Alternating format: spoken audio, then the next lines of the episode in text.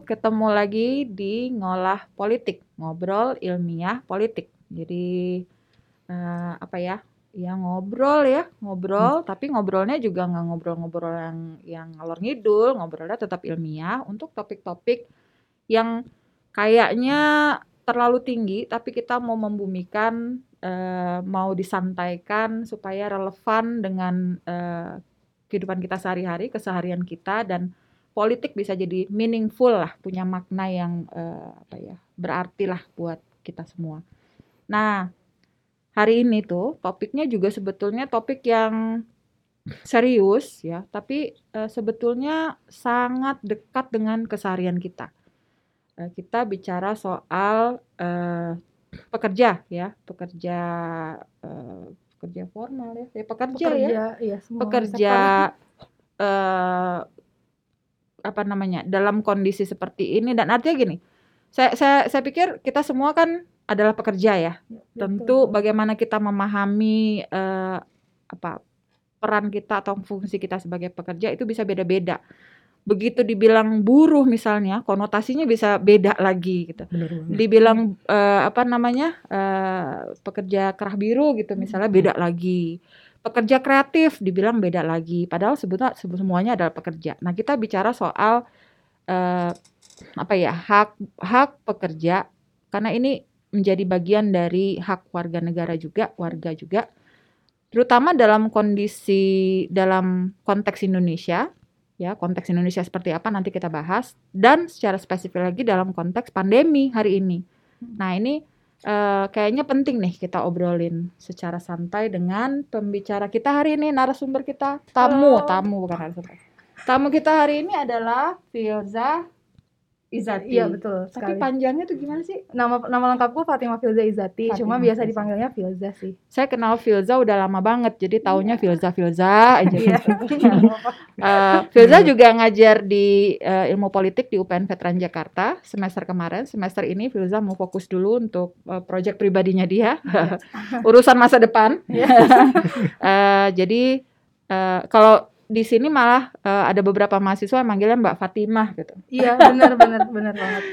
Nah Filza mungkin bisa cerita uh, Filza backgroundnya uh, apa supaya kita bisa saling kenal. Plus dengan saya di sini ada co-host yang nemenin saya. Ada Bimo. Bimo. Mahasiswa UPN VJ 2018. Oke. Okay. Bimo dan saya nanti yang akan menginterogasi. Tapi Filza kenalin dulu dong. Oke. Okay. Dirimu siapa? Oke, okay, uh, halo semuanya di ngolah politik UPN veteran. Senang banget diundang di sini sama Mbak Ayu karena Bayu adalah dosen favoritku dari S1. dan panutanku, idolaku ya. Sama-sama. Um, sekarang ini aku bekerja di uh, LIPI sebagai peneliti di Pusat Penelitian Politik LIPI. Uh, dan sehari-hari aku juga banyak volunteer. Banyak banget, lebih banyak volunteer ya kayaknya daripada kerja yang benernya. Uh, volunteer di uh, Indo Progress uh, sebagai editor, editor harian dan Indo Progress sendiri oh adalah dong, Indo Progress. Ya, Indo Progress sendiri adalah jurnal progresif yang ingin memajukan uh, gerakan sosial di Indonesia kayak gitu. Terus um, selain itu aku juga berserikat, aku hmm. juga menjadi anggota hmm. di dalam sebuah serikat bernama Sindikasi, Serikat Pekerja Media dan Industri Kreatif untuk Demokrasi. Hmm. Dan um, sisa-sisanya lain-lainnya banyak banget sih sebenarnya, tapi hmm. itu yang paling utama sekarang gitu. Oke, okay. Filza ini produktif sekali. Kalau browsing ya, googling gitu, uh, cari aja tulisannya tuh banyak banget dari mulai tulisan pribadi sampai tulisan yang aduh saya sendiri bacanya juga mesti lama gitu mencerna emang keren banget dia analisisnya jadi nggak nggak salah juga dia uh, di LIPI keren di lembaga penelitian yang keren tapi juga pada saat yang sama jarang-jarang soalnya ada orang yang uh, berafiliasi tetap di satu lembaga penelitian tapi pada saat yang sama punya aktivisme dan uh, apa namanya engagement ya uh, luar biasa aktif juga di uh, gerakan sosial. Gitu Bim, makanya nanti contoh nih. Bisa, bisa. contoh juga Mbak Ayu dong. oh iya, aku juga aktif di ini um, yang Scholar 65 sama oh, kamu ya. juga. Iya, iya, iya. Ya, banyak Nanti sih. yang scholar apa kita bikin sesi terpisah iya. tentang yang scholar. Bener-bener. Pasti penasaran. Oke, okay, gini, Phil. Ya. Um, berapa hari ini ya eh, aku baca terus agak sedih juga sih miris bukan agak miris gitu ya. Hmm. Ini cerita-cerita tentang eh, buruh-buruh PT Sandang Sari Hmm, nih. hmm. Eh, Teman-teman eh, tahu mungkin ya eh, ada sejak tahun lalu mungkin ya eh, tahun mulai masa pandemi ini ada di di eh, Bandung ya Di itu Bandung. ada ada PT Sandang Sari itu yang melakukan pemecatan terhadap ratusan buruhnya pekerjanya kemudian tidak diberi pesangon ya kemudian juga THR. tidak hak-haknya tidak dipenuhi tapi karena mereka terus mengorganisir beberapa kali aksi protes gitu ya tapi kemudian yang terjadi justru mereka diharuskan membayar 500 juta ya Yep. ganti rugi karena mereka dianggap merugikan perusahaan Mhm. karena melakukan aksi-aksi demonstrasi. Hmm. Nah, itu agak miris. Padahal mereka udah dirumahkan, Mhm. dirumahkan, tidak diberi pesangon, tidak diberi hak-haknya, tapi eh, mau menyuarakan Mhm. protesnya justru disuruh bayar gitu ke perusahaan yang eh, ya harusnya memenuhi kewajibannya kepada mereka. Nah, eh, ini kayaknya bukan yang pertama kali sih ya. Eh, banget. udah udah berapa kali ada kejadian-kejadian seperti ini. Tapi aku pengen tahu, Phil, menurutmu gimana sih? Apa sih yang terjadi Hmm. sebetulnya? Iya, sebenarnya di masa pandemi ini kan eh, hampir semua pekerja ya, Hmm. buruh baik di sektor manufaktur, di sek- berbagai sektor, semua sektor gitu ya, industri kreatif, media semuanya itu kan mengalami eh, kesulitan ya. Dalam arti kalau misalnya di industri kreatif itu banyak yang menga- mengalami pembatalan cancelan job tiba-tiba, terus gak ada ganti ruginya juga gitu. Nah di industri manufaktur ini seperti yang terjadi di Sandang Sari gitu ya, itu mereka juga banyak sekali yang mengalami misalnya tetap harus kerja tapi nggak pakai em, APD yang memadai gitu. Terus udah gitu nggak dikasih THR atau kayak yang di kasus Sandang Sari ini juga BPJS-nya nggak dibayarkan gitu. Hmm. Terus juga em, apa namanya di apa ya dirumahkan pelan-pelan nanti ujung-ujungnya di PHK gitu. Nah, ini kan umum banget terjadi. Nah, kalau yang kasus Sandang Sari ini kan karena mereka mogok gitu kan, Hmm. terus kemudian dianggap perusahaannya adalah merugikan perusahaan Oh, gitu ya. perusahaan. Nah, sebenarnya kan ini yang perlu diluruskan gitu. Kalau mogok itu sebenarnya hak konstitusional warga negara. Jadi Hmm. itu tuh ada dijamin di dalam undang-undang kan gitu. Nah, cuma biasanya perusahaan itu memakai apa ya? Memakai pasal-pasal di dalam undang-undang itu untuk menjerat em, apa buruh kalau misalnya mogoknya nggak sesuai prosedur dalam tanda kutip Hmm. gitu. Jadi biasanya kayak gitu gitu. Dan em, sebenarnya yang perlu dilihat juga adalah mungkin ini adalah bagian dari eh, upaya perusahaan untuk membungkam sebenarnya gitu. Em, atau kita bisa eh, bisa bilang em, mereka sebenarnya em, apa namanya ingin membuat buruh-buruhnya itu jadi takut gitu untuk bersuara lebih jauh gitu. Hmm. Dan itu sebenarnya udah sering terjadi gitu. Jadi aku bisa kasih ilustrasi misalnya em, apa namanya dulu waktu aku riset di waktu buat skripsi sih lama, udah lama banget tahun 2011 gitu ya. Em, jadi ada buruh-buruh di Tangerang, mereka itu mogok gitu, mogok em, apa ya, mogok dengan sesuai dengan peraturan ya maksudnya ada tahapan-tahapannya kan kalau mau mogok harus memberitahu perusahaan dan lain-lain gitu. Tapi tetap aja dikriminalisasi sama perusahaannya gitu. Karena apa? Karena di satu sisi bergaining powernya buruh ini belum juga terlalu tinggi gitu kan. Terus di sisi lain juga eh, para buruh ini juga apa ya? Kadang-kadang masih banyak yang belum apa ya, belum tahu gitu bahwa oh ini tuh hak saya ya untuk mogok atau gimana jadi takut gitu. Nah, jadi em, apa ini juga ada per- persoalan yang yang lebih apa ya, yang lebih struktural gitu loh ka- kayak bahwa sebenarnya em, banyak masih banyak buruh dan kita semua sebenarnya mungkin ya yang mungkin belum tahu kalau mogok itu adalah Hak. kita sebagai warga negara kayak gitu. Jadi banyak banget kasus-kasus kayak gitu dan em, apa biasanya kalau yang Sandang Sari ini kan diminta ganti rugi apa namanya? Ya uang gitu ya dalam bentuk uang. Nah, biasanya juga ada lagi dalam bentuk lain itu serikatnya diberangus lah gitu. Jadi serikatnya yang di apa didiskreditkan oleh perusahaan kayak gitu. Hmm. Atau kita kenal dengan union busting atau pemberangusan serikat misalnya kayak gitu. Jadi Union busting. union busting gitu. Jadi macam-macam sih bentuknya dan emang em, apa tujuannya adalah untuk membuat buruhnya tuh takut untuk bersuara lebih jauh kayak gitu. Hmm. Padahal udah era reformasi ya, tapi masa kebebasan itu nggak diterima oleh buruh gitu. Iya, Hmm. itu kenyataannya sayangnya. Iya sayang banget. Art- artinya persoalannya ada di masih di gini Eh, kan aneh juga gitu ya undang-undangnya menjamin gitu tapi pada kenyataannya sulit di eh, gitu, bukan sulit di bahasa orang buruh pekerja itu sulit mengklaim Iya. haknya. Jadi ap- apa sebetulnya persoalannya? Apakah di Hmm. perusahaannya atau di eh, saya nggak tahu apa ini. Iya. sebenarnya masalahnya double layer sih banyak gitu. Eh, dari perusahaannya pasti gitu kan karena mereka tentu aja nggak mau punya buruh yang em, yang bekerja di perusahaan mereka itu yang radikal gitu yang menyuarakan hak hak mereka. Kan pasti mereka nggak mau ya karena mereka takut kan eh, apa keuntungan mereka akan menurun dan lain-lain gitu kalau perusahaan apa kalau buruhnya mogok misalnya. Dan yang kedua adalah juga dari negara sih mbak. Jadi banyak misalnya pemerintah itu eh, misalnya kan mereka punya kalau di pemerintah punya disnaker mereka tuh punya pengawas gitu kan. Hmm. nah mereka tuh nggak bekerja dengan baik biasanya gitu. Jadi mereka nggak mengawasi perusahaan sebagaimana seharusnya gitu. Itu juga ada peran dari situ gitu. Dan yang selanjutnya lagi adalah juga di apa ya di level di level masyarakat secara umum juga em, masih banyak yang menganggap ini juga karena orde baru sih sebenarnya ya. Karena kan sejak orde baru gerakan buruh itu dilemahkan banget gitu jadi banyak juga masyarakat mungkin yang menganggap kalau buruh yang mogok itu em, ah udahlah harusnya nggak usah mogok bersyukur masih punya kerja masih ada yang kayak gitu-gitu gitu. Jadi apa namanya kayak macem-macem gitu eh, layernya gitu. Dan yang paling penting sih kalau aku menyoroti banget ya tadi perusahaan sama pemerintah gitu bahwa mereka pihak kedua pihak ini yang selalu eh, pada akhirnya bersekongkol gitu ya. Mereka bekerja sama berkolaborasi dan selalu pada akhirnya melawan buruh. Hmm. seharusnya kan pemerintah itu jadi kan model akomodasinya harusnya kan pemerintah itu menjadi penengah gitu ya untuk buruh sama pengusaha. Karena kan wasit. gitu. Karena kan buruh meskipun jumlahnya lebih banyak biasanya bargaining powernya lebih sedikit karena mereka tidak punya alat produksi kan. Sementara kalau perusahaan meskipun jumlahnya dikit tapi bargainnya lebih Hmm. tinggi gitu karena mereka menguasai alat produksi gitu. Harusnya pemerintah ini kan wasit gitu kan dan harusnya lebih cenderung membela yang lebih lemah gitu yaitu buruh. Tapi pada kenyataannya malah enggak gitu malah justru membela yang lebih kuat gitu. Buruh bisa Gitu. menguntungkan apa buat pemerintah? Nah itu dia. Kan itu pertanyaannya ya kalau pengusaha kan ya dia kalau distimulus nanti Ada bisa memberikan konsesi. trickle down impact gitu ya Nah, atau konsesi apa gitu. Ngasih kalau buruh apa gitu heeh. nah itu juga sebenarnya yang mungkin terkait sama tadi eh, apa hak-hak sebagai warga negara gitu kan.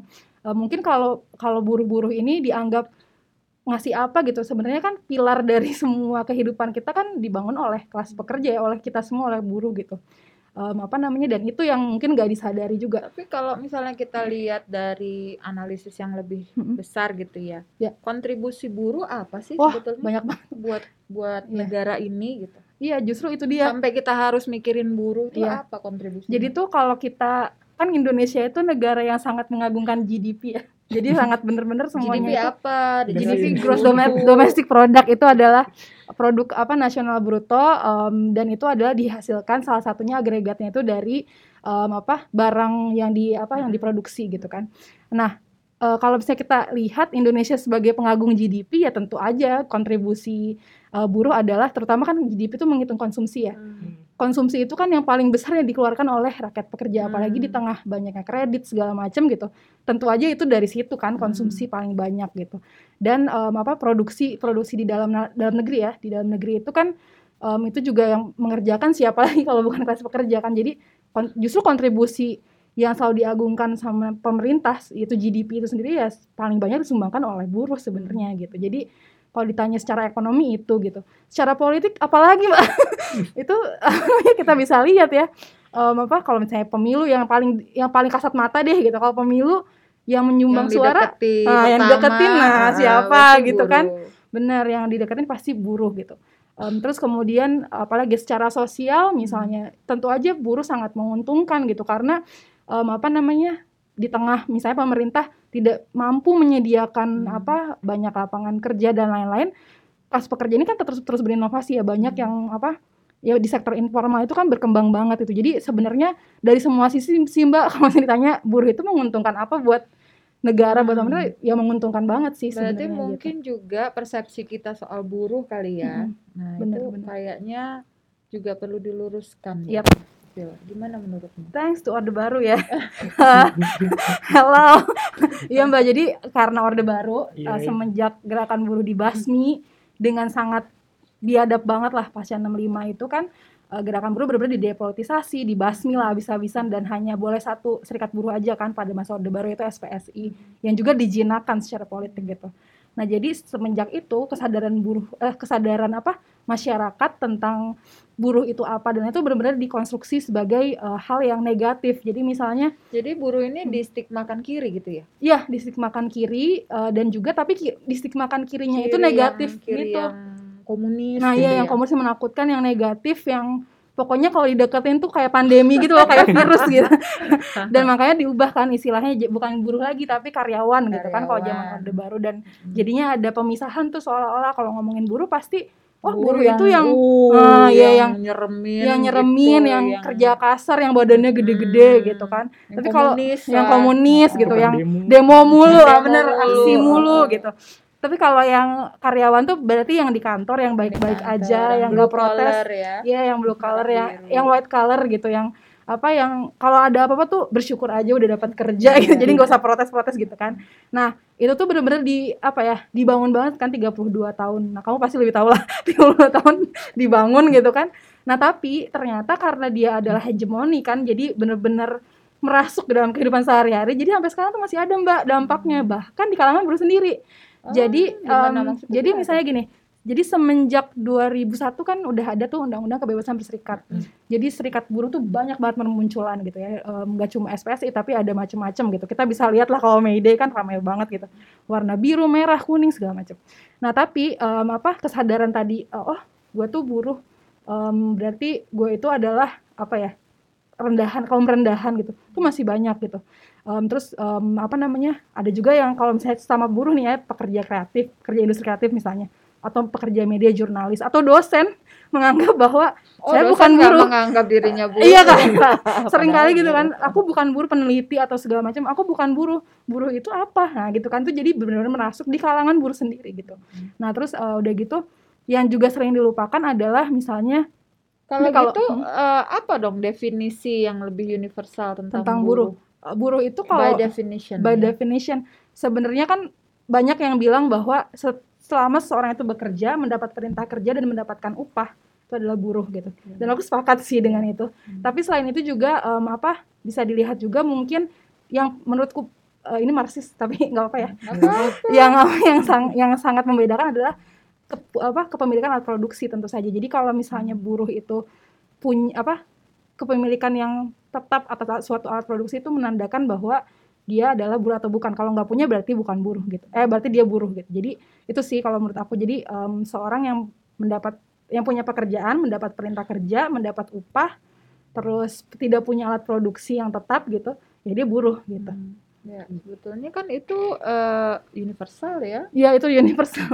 Ya orang yang bekerja mendapatkan upah dari hasil pekerjaan dia ya itu adalah buruh gitu ya. Yap. makanya sering ada yang ini mbak misconception tentang misalnya em, apa ah gue mau jadi pekerja kreatif aja deh gitu gue mau jadi nggak karena nggak mau jadi buruh Padahal buruh. itu dia juga buruh karena Iya. dia misalnya gini deh gitu ah gue mau youtuber aja gitu ya Hmm. Eh, misalnya gitu Em, kan gue bukan buruh gitu Iya. diperiksa dulu bener nggak gitu jangan-jangan eh, kamu youtuber itu adalah editornya atau em, apa yang kameramennya gitu Hmm. kalau kayak gitu ya berarti kamu buruhnya Hmm. karena kamu bukan seorang yang punya em, apa namanya komputernya eh, kameranya dan lain-lain kayak gitu sih Oh, oke. itu bisa di- kita eksplor lebih jauh sih mbak tentang Iya, apa iya, iya. konstruksi ini tentang ini salah untuk paham kita, ini kita mau eh, m- menurutku memang harus lebih apa ya lebih dibuka ya ruang untuk mendiskusikan ini nggak nggak usah lah anti anti banget Iya. ke buruh ngelihat buruh aksi itu kesannya duh ini ngotor-ngotorin aja sih atau ini bikin macet aja sih. Iya. Padahal kalau ada kebijakan UMR karena desakan buruh juga yang diuntungin juga semua orang gitu. benar, nggak hanya buruhnya atau pekerja gitu ya Mm-mm. tapi untungnya semua orang. Iya. misalnya ada hari buruh juga itu akhirnya kita dapat untung Iya, juga gitu bisa libur gitu betul kan. sekali. Tapi kan Benar. sebetulnya itu bentuk apresiasi terhadap semua orang yang bekerja Yap, kan pada yap. dasarnya. Bener bener banget. Bener banget.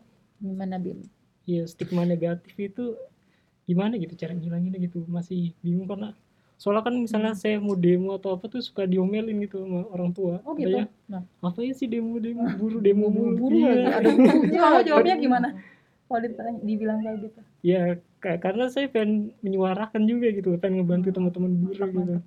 Nah itu gimana tuh stigma negatif banget gitu loh Iya. soalnya Kamu nggak bilang, "Eh, bapak ibu kan juga buruh. Nah, iya gitu. maksudnya. Sebagai Kita semua pekerja. buruh loh. tapi jawabnya saya kan guru gitu. Ah, iya iya. Oh. Iya. Jadi emang kalau untuk nanti kalian bisa nambahin lah ya. Hmm. Em, apa kalau menurut aku sih ini kan memang hegemoni ya. Jadi dilawannya juga harus dengan Hmm. hal yang sama gitu. Dengan cultural hegemony juga dengan em, apa melawan ini tuh nggak bisa apa ya singkat satu hari gitu loh. Jadi Iya. harus terus-terusan dan lewat edukasi kayak gini salah satunya sih menurut aku gitu. Karena jarang maksudnya nggak banyak eh, masyarakat di sana di luar sana yang bahkan ngeh tentang hal ini gitu. Jadi menurut aku sih podcast-podcast kayak gini adalah salah satunya Bim. Iya, Jadi ini iya. tuh adalah upaya ya menurut aku gitu. Di samping itu tentunya kalau mau lebih sistemik ya di kurikulum sekolah-sekolah mungkin aku kepikirannya gitu ya. Karena kan sampai sekarang kalau yang aku tahu tuh di kurikulum anak SD aja nggak ada tuh mbak yang kayak gitu ya. Maksudnya pelurusan sejarah gitu yang bener-bener Hmm. dulu tuh gerakan buruh dimatikan karena apa segala kan belum pernah ada Nggak yang ada. kayak gitu gitu terus em, apa kalau mau itu tuh sistemik gitu atau Hmm. mungkin di kampus-kampus banyakin diskusi-diskusi di kelas-kelas didiskusikan itu juga menurut aku ini sih Hmm. efektif banget juga pendidikan kan salah satu jalur apa ya yang paling efektif lah untuk meluruskan yang kayak begini-begini gitu Hmm. yang salah-salah tapi selain itu ya mungkin secara politik yang lebih luasnya harus ada perubahan sih cuma ya itu Perubahannya tuh yang kayak gimana? perubahan Nggak, yang artinya gini, kalau misalnya kita ngomongin eh, buruh gitu, apa Mm-mm. sih yang yang kondisi yang sekarang dialami buruh-buruh secara umum tuh apa? Oh, oke. Sehingga kita tahu harusnya kondisinya yang lebih baik itu Mm. seperti apa gitu. Oke oke.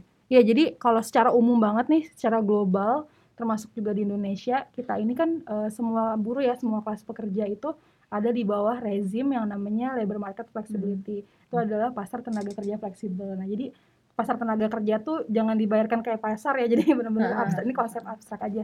Eh, di mana orang-orang atau kita semua masuk ke dalam pasar tenaga kerja itu dengan em, kondisi yang ya sistem kerja kontrak, terus em, apa lep- lepasan gitu ya apa nggak full time terus hak-hak kita juga nggak dijamin nggak ada perlindungan sosial dan lain-lain gitu. Nah itu tuh yang dihadapi oleh semua buruh gitu. Nah kalau untuk perempuan tuh lebih spesifik lagi ada namanya feminisasi kerja kan.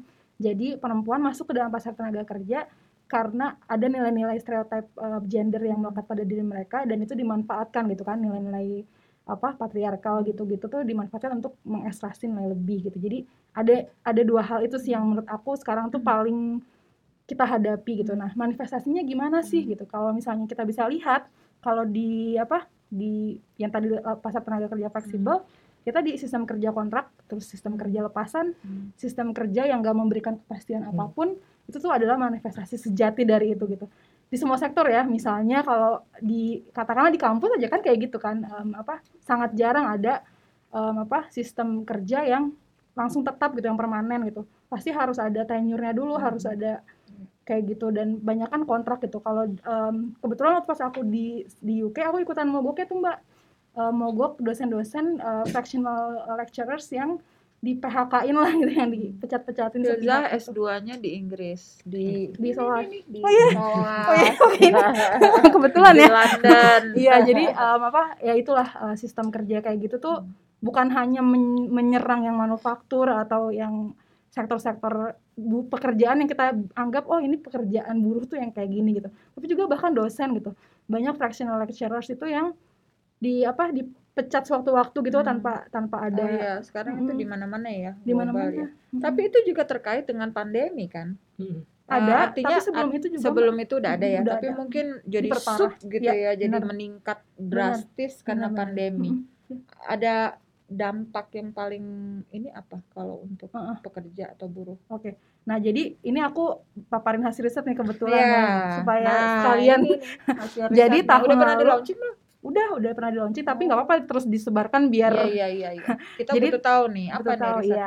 Jadi tahun lalu itu 2020 April kami di sindikasi itu bikin survei Hmm. tentang em, apa namanya dampak pandemi. Mm-mm. Itu kan waktu sebulan ya, sebulan Hmm. setelah pandemi terhadap Maret berarti April. April Heeh. terhadap para pekerja di industri eh, media dan industri kreatif, Hmm. tapi khususnya industri kreatif gitu. Kami melakukan survei terhadap 139 informan dan mayoritas bagian besar itu mengalami pembatalan kerja Mbak tanpa mendapatkan kompensasi apa pun Hmm. dari pemberi kerjanya gitu. Nah terus uh, mayoritas juga punya tanggungan. Jadi kan kalau pekerja itu kan nggak nggak semuanya tuh hidup sendirian aja tapi ada istri anak atau keluarganya mungkin segala macam gitu itu jadi tambah beban lagi gitu.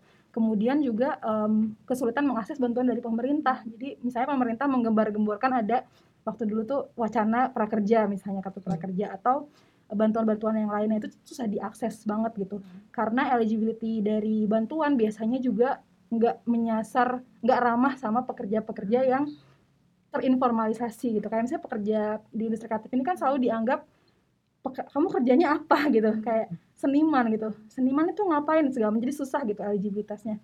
Nah jadi kayak gitu contohnya. Jadi um, banyak banget yang um, apa namanya susah dapat bantuan gitu. Nah kemudian juga uh, tahun la tahun lalu tapi baru belum di launching publik sih. Hmm. tapi nggak apa aku bocorin. Aku juga riset uh, tentang um, apa namanya kondisi pekerja industri kreatif. Hmm. ada juga di tengah pandemi tapi nggak khusus secara pandemi gitu.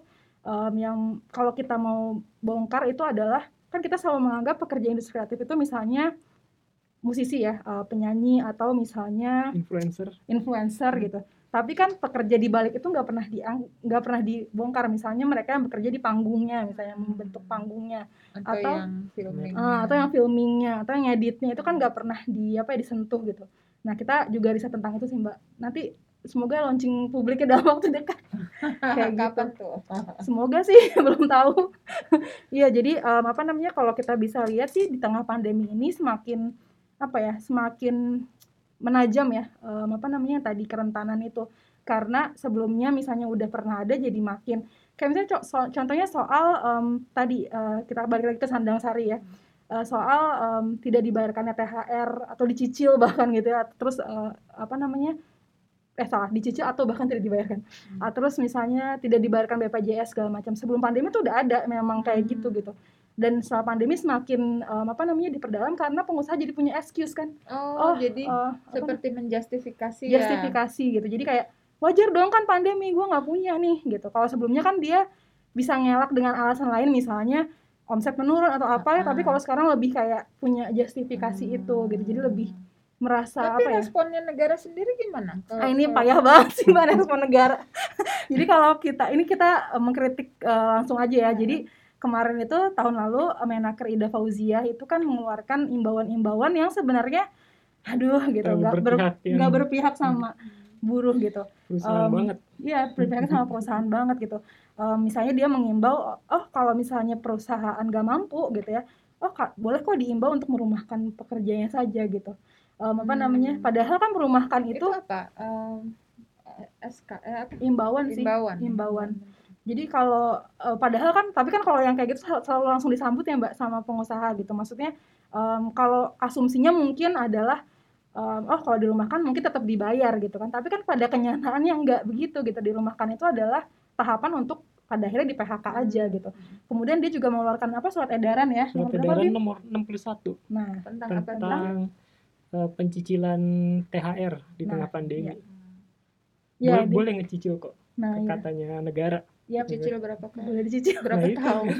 katanya boleh dicicil sesuai dengan kemampuan pengusaha gitu. Oh. Nah, dan itu harus didiskusikan katanya antara pengusaha dan. Di sini ada dua ada dua bolongnya kan. Yang pertama ya nggak boleh dong dicicil namanya THR itu kan memang hak yang udah ada di konstitusi hmm. gitu. Jadi um, apa di undang-undang maksudnya di, di dijamin dalam undang-undang gitu dan udah gitu habis itu harus didiskusikan dengan buruh. Sementara kan relasi kuasa buruh sama pengusaha tuh nggak imbang, imbang. gitu. Yang satu pemilik alat produksi yang satu nggak punya gitu. Jadi nah itulah uh, nggak ada nggak ada pihak yang bisa ditunjuk sebagai mediatornya media untuk memediasi. Harusnya negara sih mbak. Harusnya hmm. uh, di tengah relasi kuasa yang apa pengusaha sama buruh yang gak seimbang ini kan harusnya negara yang bisa memediasi. Tapi kan negara malah misalnya memberi stimulus kan buat pengusaha dengan asumsi akan ada trickle down effect gitu untuk nah, buruh. Itu kan uh, kebijakan-kebijakan memberi stimulan hmm. gitu ya ke perusahaan. Ini kan juga common ya di di, yeah. di kita juga meskipun agak belakangan, tapi di negara-negara lain sebagai bentuk respon awal terhadap hmm. COVID itu juga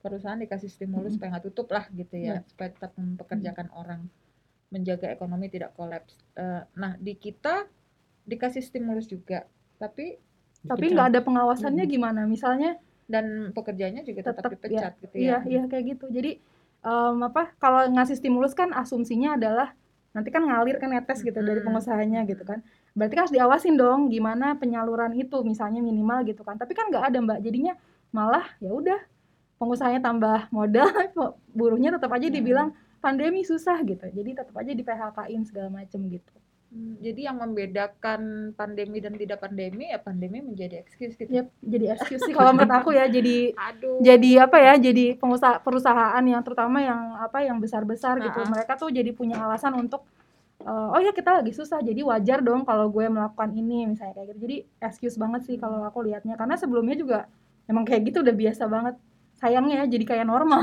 gitu Hmm. kondisinya aduh orang awam juga gitu. pasti ngelihatnya apaan sih kita aja jualan nggak bisa gitu. Dia perusahaan udah bangkrut jadi mending dipecat-pecatin aja lah gitu loh. Iya iya dan emang di Maksudnya- Indonesia ini kalau menurut aku yang yang memperparah juga adalah notion-notion yang apa sih bahasanya ya toxic positivity atau apa yang suka bilang kalau ya udahlah bersyukur aja Iya. masih mending masih mending. Nah Itu apa ya?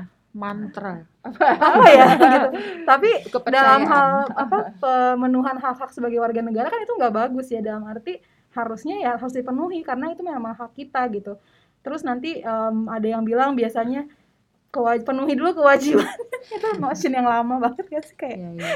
Jadi, kayak gitu-gitu eh, hak bisa diberikan setelah kewajiban, Kewajiban. dipenuhi gitu ya. iya Padahal kewajibannya kita udah bayar Udah pajak. bayar. bahkan beli minum yang berapa harganya dua ribu tiga ribu aja ada pajak Ada kita di pajaknya. dalamnya kan jadi aduh benar-benar deh dan juga ini mbak em, kalau yang aku lihat selain tadi jadi excuse eh, pandemi ini juga jadi apa ya jadi sarana untuk lebih eksploitatif dalam arti yang tadi em, karena ada ya udah bersyukur gitu. Jadi banyak juga perusahaan terutama yang padat karya gitu kayak digeder gitu loh apa jobnya apa sih? Digeder itu di dua kali kerja. Ah, di Oh. dengan bayaran yang sebenarnya harusnya double tapi malah enggak karena ya masih mending ada kerjaan.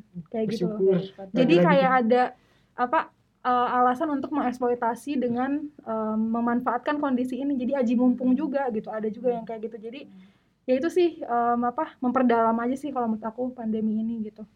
Iya iya, Iya. gimana Bim? Pusing nggak lu Bim? pusing banget soalnya kenalan saya juga ada tuh Ya kan? kerja dua kali tapi gajinya tetap Iya, kasihan banget karena dibilangnya gitu kan. Eh, Masih mending mending yang penting ada kerjaan. daripada dipecat nggak Nah, kerja Iya, kayak gitu itu tuh kejam banget. apa ya umum banget terutama di eh, buru-buru kerah, kerah biru atau kerah pink maksudnya buru-buru yang precarious banget yang benar-benar freelance atau status kerjanya kontrak atau Hmm. misalnya outsourcing itu benar-benar dimanfaatin banget gitu Eh, misalnya kak contoh aja misalnya OB gitu ya OB ini kan atau OG eh, office boy atau office girl ini kan mereka selalu ke kantor gitu ya harus selalu ke kantor untuk membereskan gedung segala macam gitu. Nah di tengah pandemi ini kan susah ya untuk mencari pekerjaan lain yang lebih layak gitu. Jadi ya udah tetap double kerjaannya harus membereskan gedung mensteril dan segala macam tapi dia sendiri nggak diperhatikan kan kebutuhan Hmm. untuk kesehatan dia segala macam gitu. Jadi benar-benar di apa ya ya gitu alasan untuk mengeksploitasi lebih jauh aja gitu. Tapi bayarnya tetap sama kayak gitu. Nggak ada lebihnya misalnya atau dijamin kesehatannya atau nggak ada kayak gitu. Tapi nggak ada aturannya mbak kalau kena covid misalnya pekerja gitu kena covid peng- perusahaan wajib gitu. Kalau aturannya kalau setahu kok ada sih. Ada. ada em, kalau nggak salah tapi aku lupa. Maksudnya Eh, pekerja ke- kalau- dia- kalau dia Kena kerja tapi kena Covid. covid. harusnya tuh nggak boleh kerja. Ya, jadi eh, ditanggung Dibantu. misalnya biaya apanya oleh perusahaan. Setahu kok ada peraturan kayak gitu. Cuma entah aku lupa em, itu peraturan dari siapa dan implementasinya kan nggak seperti itu ya. Kayak misalnya di sektor manufaktur aja harusnya kan nggak boleh tuh kerja tapi dipaksa untuk kerja dengan pakai masker misalnya atau apa seadanya tanpa misalnya diperhatikan lingkungan kerjanya seperti apa kayak gitu sih relevansinya kondisi kayak gini sama mahasiswa gak sih? Mungkin Bimo bisa explore atau Firza. Bimo dulu coba aku mau tahu Ah, kan Bimo yang mahasiswa Bim, apa Bim? Bimo host, bukan Iya. Oh bukan iya, oke. bicara mbak tapi nanti kamu tanggepin ya kalau menurut aku sih mahasiswa ini kan apa ya eh, selalu digadang-gadang sebagai em, apa ya memimpin masa depan segala macam padahal kenyataannya kan tenaga murah cadangan apa maksudnya tenaga kerja cadangan yang murah gitu. Jadi em, pada kenyataannya itu nggak semua orang kan bisa jadi inovator kayak Nadiem Makarim atau eh, Mark Zuckerberg gitu nggak semuanya. Tapi kalau jadi pekerjanya sih kemungkinan besar se- sebagian besar gitu kan. Yang ya kalau aku sih ngelihat eh, relevansinya mungkin yang pertama ya mahasiswa harus menyadari bahwa di mas- di depan yang akan dihadapi adalah seperti itu. Jadi dari sekarang lah Hmm. harus paham tentang hak dia sebagai pekerja Hmm. hak dia sebagai warga negara gitu Em, apa itu yang harus dicicil lah dari sekarang jadi nanti pas masuk ke dunia kerja nggak kaget gitu oh eh, gue nggak punya eh, nggak dikasih perjanjian kerja nih sama kantor atau sama tempat kerja gitu apa yang harus gue lakukan gitu kayak gitu jadi em, harus me- apa ya ngeh dari sekarang aware dari sekarang kayak gitu Berarti aturan-aturan ini nggak bisa dirubah nih, Mbak? Apa? Aturan-aturan yang udah ada ini nggak bisa bisa dirubah. dong bisa tapi itu dengan politik Gimana dengan- dong? Gimana? Kita mesti Gimana? apa Iya. dong? Kalau- kalau kalau yang apa ya yang benar-benar mau mengubah secara fundamental struktural gitu sistem politiknya sih yang harus dibenerin kan. Berarti kan selama ini kita dikuasain sama politik em, yang oligarkis yang apa mereka adalah pemilik konsesi-konsesi besar gitu kan. Jadi ya pastinya akan begitu ya eh, dampaknya sampai bawah gitu. Tentunya harus ada perubahan misalnya corak politiknya harus berubah. Tapi kan itu jauh maksudnya masih jauh kan apa namanya untuk sampai sana. Kalau aku sih melihat ada beberapa tahapan. Yang pertama tadi awareness itu. Jadi em, apa namanya harus ada penyadaran yang terus menerus tentang sebenarnya kondisi yang terjadi itu seperti apa gitu dan Hmm. riset-riset kalau bisa benar-benar dibumikan gitu hasil-hasilnya benar-benar disebarluaskan gitu lewat berbagai medium termasuk podcast kayak gini gitu dan terus em, apa namanya selain itu juga kalau bisa di sektor pendidikan tadi ya, di dunia pendidikan itu benar-benar em, apa kurikulumnya juga mulai mengadaptasi em, apa namanya perubahan-perubahan ini tuh kayak gimana sih dimasukkan? Misalnya tentang tadi em, contoh ya di Fakultas Hukum misalnya bahas tentang hak hak sebagai pekerja gitu. Ada nggak sih kurikulumnya? Aku nggak tahu Em, misalnya atau sekarang ada omnibus law gitu yang beribu-ribu halaman itu dan isinya aku udah baca loh mbak itu beribu-ribu halaman Serius. Keren, serius keren, tuh keren. demi Anggota DPR aja nggak baca, lu lagi baca. demi ini demi bikin kajiannya nggak sih nggak nggak yang bener-bener detail nggak tapi kayak skimming aja apa eh, semuanya aku lihat gitu Per- eh, apa Ah, anggota DPR aja versi yang Part- mana part- juga mereka nggak tahu. Nah itu tuh isinya itu bener-bener em, apa namanya kalau menurut aku tuh reckless banget gitu kayak malu gitu loh bacanya kayak ih kok gini rujukannya aja nggak jelas referensi. Makanya harus ikut academic writing di UPN Ah, Filzah pengajar academic writing di UPN. kayak apa rujukan-rujukannya nggak jelas kayak gitu. Itu aja udah bikin ragu ya. Kok apaan sih gitu? Terus eh, isi-isinya nggak bagus. Nah menurut aku yang kayak gitu tuh harus mulai di apa ya mungkin di kampus-kampus bisa dibahas segala macam gitu. Terus juga em, apa namanya yang tadi em, sebelum apa sekarang kan notionnya tadi ya eh, mahasiswa itu nanti jadi entrepreneur gitu kan setelah Hmm. keluar gitu. Ya dengan adanya kayak gini kan jadi bisa tahu gitu oh kalau misalnya aku nanti keluar uh, dari dunia mahasiswa terus aku jadi pekerja ini yang akan aku hadapi pasar kerja fleksibel feminisasi kerja dan lain-lain. Dan itu yang harus di apa ya disadari dan aku sih menyarankan untuk berserikat tentunya gitu. Jadi uh, kalau bisa uh, Nah, nanti serikat itu yang lain lagi tuh yang di stigma kiri-kiri. ah tuh. iya lagi itu Di stigma komunis-komunis tuh yang ngeri-ngeri itu serikat gitu. Serikat. Revolusi- ya. Kalau paguyuban lebih bisa diterima. Iya, padahal belum Padahal tentu sama paguyuban isinya gimana kan. Ya, jadi ya gitu sih kalau bisa berserikat eh, dan apa kalau kita sebagai warga biasa maksudnya yang em, apa mungkin nah ini juga nih aku pengen bahas banget soal kerja-kerja yang diabaikan sih Mbak kayak misalnya kerja-kerja ibu-ibu rumah tangga. Hmm. Itu kan mereka Kalau gitu kita bikin aja Oh, sesi oke. khusus Oke, soal oke. itu Eh, boleh, boleh, boleh. pekerja-pekerja yang tidak dianggap buruh, Iya, boleh, boleh. ta- tapi juga pekerja juga diragukan, yang Iya. jelas diabaikan. Boleh, boleh. Mungkin boleh. kita bikin satu sesi khusus Oke, kali buat iya, itu. iya, oke, oke. Tunggu aja ya Oke. ininya ya, eh, kelanjutannya ya. Oke, oke. Oke, eh, gimana Bim? Good. Udah nih. Oke, sip, sip, sip. Phil, Oke, ya. segini dulu kali. Ya, Nanti oke, kita sip, coba kapan-kapan kita undang Filzah lagi, kita elaborasi yang lebih mantap lagi Sip, gitu. sip. Terima kasih banget udah datang. Iya, makasih banget udah ngajakin aku juga. terima kasih udah bantuin juga, udah Iya, dampingin semuanya. kita menginterogasi beliau ini. Jangan kapok, datang lagi ke Enggak dong, enggak. Sip, sip. Closing statement, Bu. Oh iya, Iya. closing closing statement. statement. Oh, apa ya? Ini tentang apa nih closing statement? Apa tentang aja. oh, apa aja? Heeh. Eh, mungkin kalau dari aku ten- di tengah pandemi ini kan kita semua susah ya, maksudnya nggak ada yang diuntungkan lah, eh, kecuali yang tadi memanfaatkan eh, apa excuse, jadi excuse dan justifikasi itu. Em, jadi kalau dari aku sih tetap menjaga protokol kesehatan kalau bisa, terus em, apa namanya tetap jaga saling menjaga secara kolektif, maksudnya cek satu sama lain kayak gitu. Eh, dan kalau misalnya ada hak-hak di tempat kerja yang dilanggar jangan ragu untuk mengadukan em, ke serikat atau ke mana pun lah yang bisa jadi channel itu gitu jangan takut eh, misalnya lihat kasus-kasus kayak Sandang Sari gitu jangan membuat jadi gentar tapi justru jadi lebih apa berani untuk menyuarakan apa yang kita rasakan terutama misalnya pekerja-pekerja tadi yang nggak dianggap sebagai kerja gitu sih Cool. Gitu. Kali ini kita di sini dulu. Kita langsung tutup. Terima kasih ya teman-teman semua udah eh, join di sini. Tunggu yang berikutnya. Seru juga pasti ya. Sehat semuanya seperti kata Filda tadi, saling jaga, sehat-sehat semuanya. Eh, ya, bye. bye